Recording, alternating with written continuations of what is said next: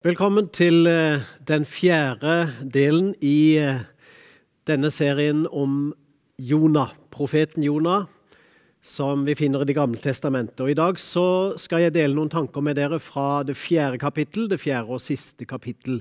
Det er på en måte historien kulminerer. Denne historien som handler om kall, om flukt, om omvendelse, om nåde, om omsorg, om egoisme og om å forstå hva som er vårt ansvar, og hva som er Guds ansvar.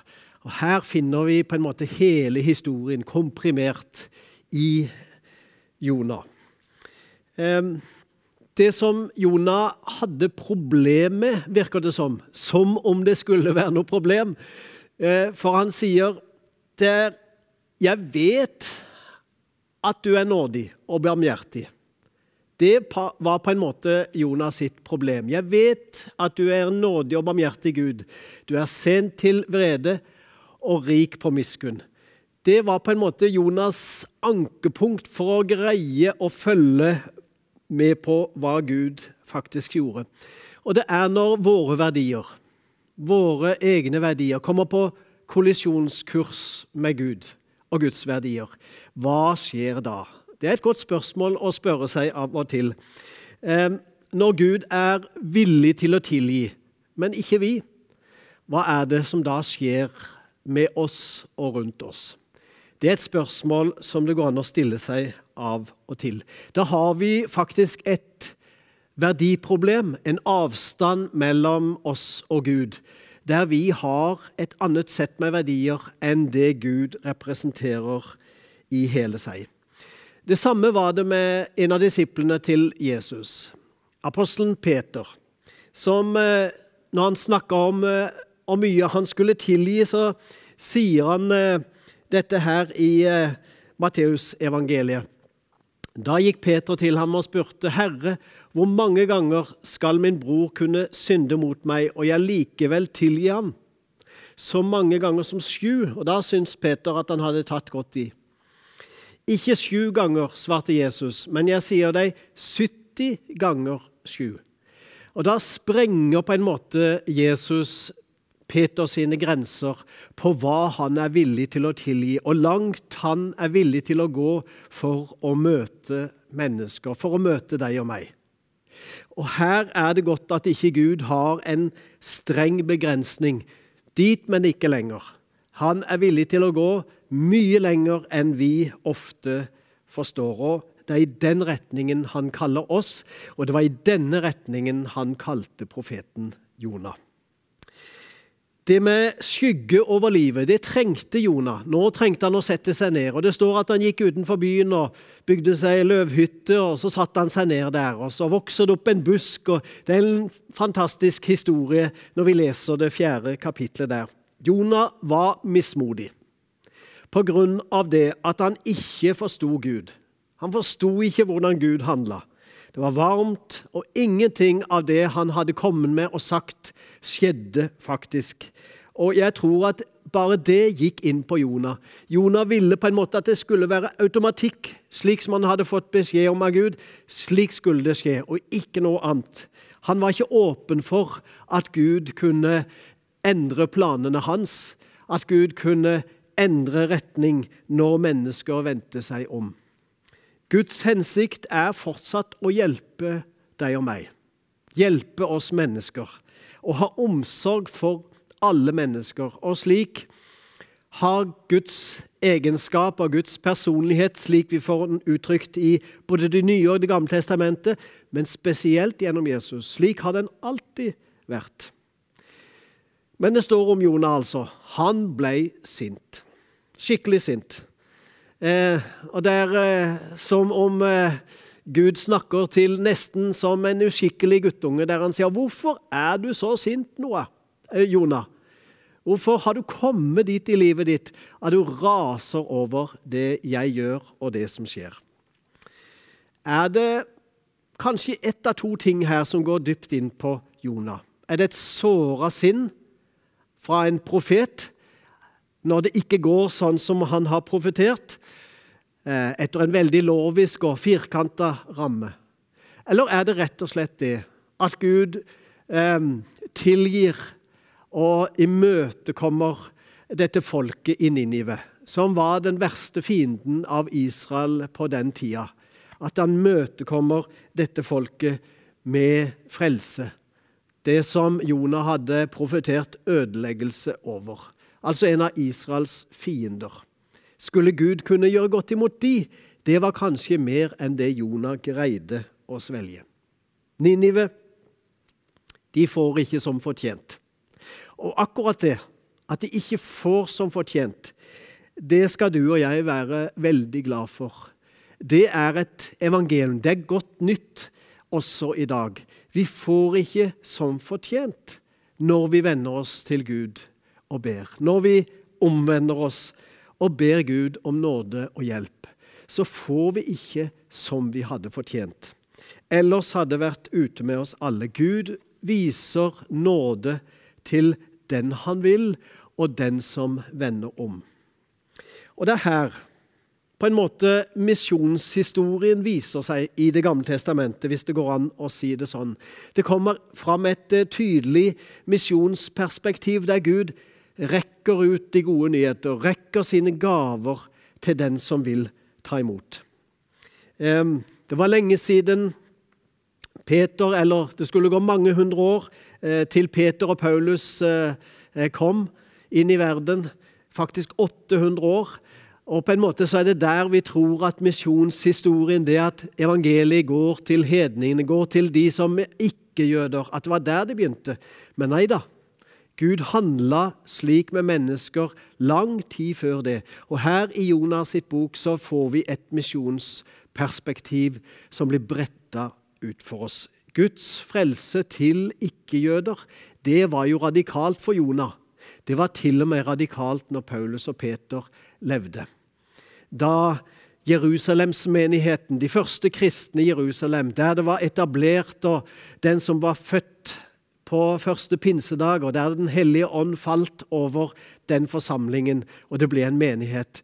Når de skulle sprenge sine grenser, det hadde de vanskeligheter med at evangeliet skulle gå videre fra jøder til ikke-jøder, ja, da måtte de også gå en vei for å kunne forstå det og ta det til seg. Akkurat slik som Jonah måtte det. Men hvordan er det med Guds omsorg, egentlig? Eh, Guds omsorg er egentlig en ufattelig stor størrelse, der han rekker ut sine hender, og der han gjerne omfavner både store og små der han gjerne vil bære oss, hjelpe oss, frelse oss. Jonah han kom ikke ut av sitt sinne. Han kom ikke ut av sitt dilemma og sin motløshet eh, raskt. Han ville på en måte ikke akseptere å gi Gud rett. Og I dette dilemmaet blir Jonah stående. Og Derfor har Jonah det vondt. Og Da vil jeg si hva er det som skjer med oss av og til? Når vi ikke vil akseptere det Gud gjør, når vi ikke vil akseptere at Gud er god mot alle, at han gjør kanskje på tvers av det vi trodde i utgangspunktet. Men hvis vi forstår Jesus sinnelag, hvordan han møtte mennesker, hvordan han møter deg og meg, da kan vi mer skjønne hvordan Gud tenker. Og det er noe med å gi Gud muligheten til å handle, ikke som vi vil, men som han ser er best. Ja, til og med så ser vi når Jesus var i Getsemanehagen, like før han skulle dø på korset, så hadde han det vondt. Han skjønte at nå gikk det mot eh, eh pine, og det gikk mot død, og det gikk mot en fryktelig problematisk dag og kveld og natt for Jesus, og han så inn i mørket. Da kjenner han det på kroppen. Og da bærer han denne lidelsen med seg inn i dette spørsmålet der han spør eh, sin far i himmelen, min far, er det mulig, så la dette begeret gå meg forbi, men ikke som jeg vil, bare som du vil. Ikke som jeg vil, bare som du vil. Det er en nøkkelsetning hvis vi vil leve i pakt med Guds vilje. Det er ikke vår vilje, men det er Guds vilje fullt og helt. Til og med Jesus måtte be den bønnen. Han som var Guds sønn. Når han kjente hva det kom til å koste han på kropp og sjel, så kjente han at han måtte be den bønnen. Går det an, så slipper jeg det gjerne, men bare som du vil, Gud. Det er en god bønn fortsatt å be i dag. Det er viktig å erkjenne at det er Gud som skal dømme, ikke vi. Det er viktig at det er Gud som har makta, ikke vi. Og her kommer jo Jesus og hans oppdrag i verden inn. Det er viktig å erkjenne at det er Gud som ser hjertene, og ikke vi. Vi forstår ikke andre mennesker fullt ut. Vi forstår ikke hva som ligger bak det levde livet vi ser konturene av. Men det ser Gud, og han ser også oss. Gud vil først og fremst frelse. I Johannes 3, 16 så har vi jo den lille Bibelen, men like etter det verset der som så mange kjenner, at så høyt har Gud elska verden, osv.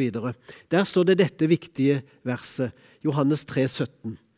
Gud sendte ikke sin sønn til verden for å dømme verden, men for at verden skulle bli frelst ved ham. Altså, Guds hensikt har aldri vært å dømme mennesker. Hans hensikt alltid har vært å gjøre alt for å frelse mennesker og hjelpe deg og meg. Og gi oss det beste livet, og gi oss framtid, håp og liv og lys. Det er Guds hensikt. Derfor sendte han sin sønn. Derfor sendte han Noah til denne Ninive-byen med så mange mennesker. Men Noah greide ikke å se det perspektivet. På slutten av, av Jonas' bok, så det siste verset, faktisk, der kan vi lese følgende Skulle ikke jeg ha omsorg for storbyen Ninive? hvor det er mer enn tolv ganger 10 000 mennesker som ikke vet forskjell på høyre og venstre, og hvor det også er en mengde dyr, sier Gud. Og Her kommer et helt skaperperspektiv inn. Her kommer et perspektiv på hele skapningen som han har omsorg for. Faktisk ikke bare mennesker, men også en mengde dyr, sier Gud. Det har han eh, hjerte for, at han ønsker ikke å ødelegge noe. For all del ikke menneskene. Han ønsker å frelse dem. Men han ønsker også å spare dyra. Og Her kommer det diakonale, helhetlige, det vi ofte kaller for et holistisk, et helhetlig perspektiv inn. I det siste verset i Jonas' sin bok. Her kommer på en måte den ultimate Guds vilje. Han ønsker å frelse. 120 000 mennesker bodde det i den byen. Og en mengde dyr, står det. Eh, og Her kommer det altså fram. Hva er det egentlig Gud vil vise oss? Jo, det er at han har omsorg for alle. Han har omsorg for hele sin skapelse. Hva er det vi kan lære av, eh, av Jonah? Og hva Jonah viser oss? Jo, for det første Gud frelser når vi omvender oss. Det er det første og viktigste vi kan vite om Gud og om hans holdning til oss. For det andre så kan vi forstå at Gud har omsorg for alt han har skapt. Det viser Jonas sin bok. Han har ikke omsorg bare for en del av skapningen. Faktisk ikke bare for mennesket, selv om det kunne vært nok men han har omsorg for hele sin skapning. Han ønsker å redde alt og alle fra å gå under. Derfor rekker han ut sine hender. Derfor tilbyr han sin nåde. Og for det tredje vårt kall er begrensa. Vår oppgave er eh, fins det grenser for. Vi skal overlate resten til Gud. Det er ikke alltid lett å forstå. Hvor stopper vårt ansvar, og hvor tar Gud over hele? Med disse ti, tre tinga så vil jeg avslutte denne serien. La meg repetere det. Gud frelser når vi omvender oss. Han har omsorg for alt han har skapt. Vårt kall eller oppgave er begrensa. Overlat resten til Gud. Her finner vi Guds hensikt og hans gode vilje for hele sin skapning. Gud eh, redda Ninive. Han gjorde det. Og Jonah måtte sitte og se på at Gud holdt sin hånd over Ninive. Vi har et oppdrag. Vi har et oppdrag i å dele det vi har fått, og gi det videre til andre mennesker. Men så skal vi overlate resten til Gud. Vi er ikke kalt til å dømme. Vi er ikke kalt til å slå ned. Vi er kalt til å gi evangeliet, de gode nyheter, videre. Og det er en utdrekt hånd fra Gud også denne dagen. Så på denne måten så vil jeg avslutte denne serien fra Jonah sin bok.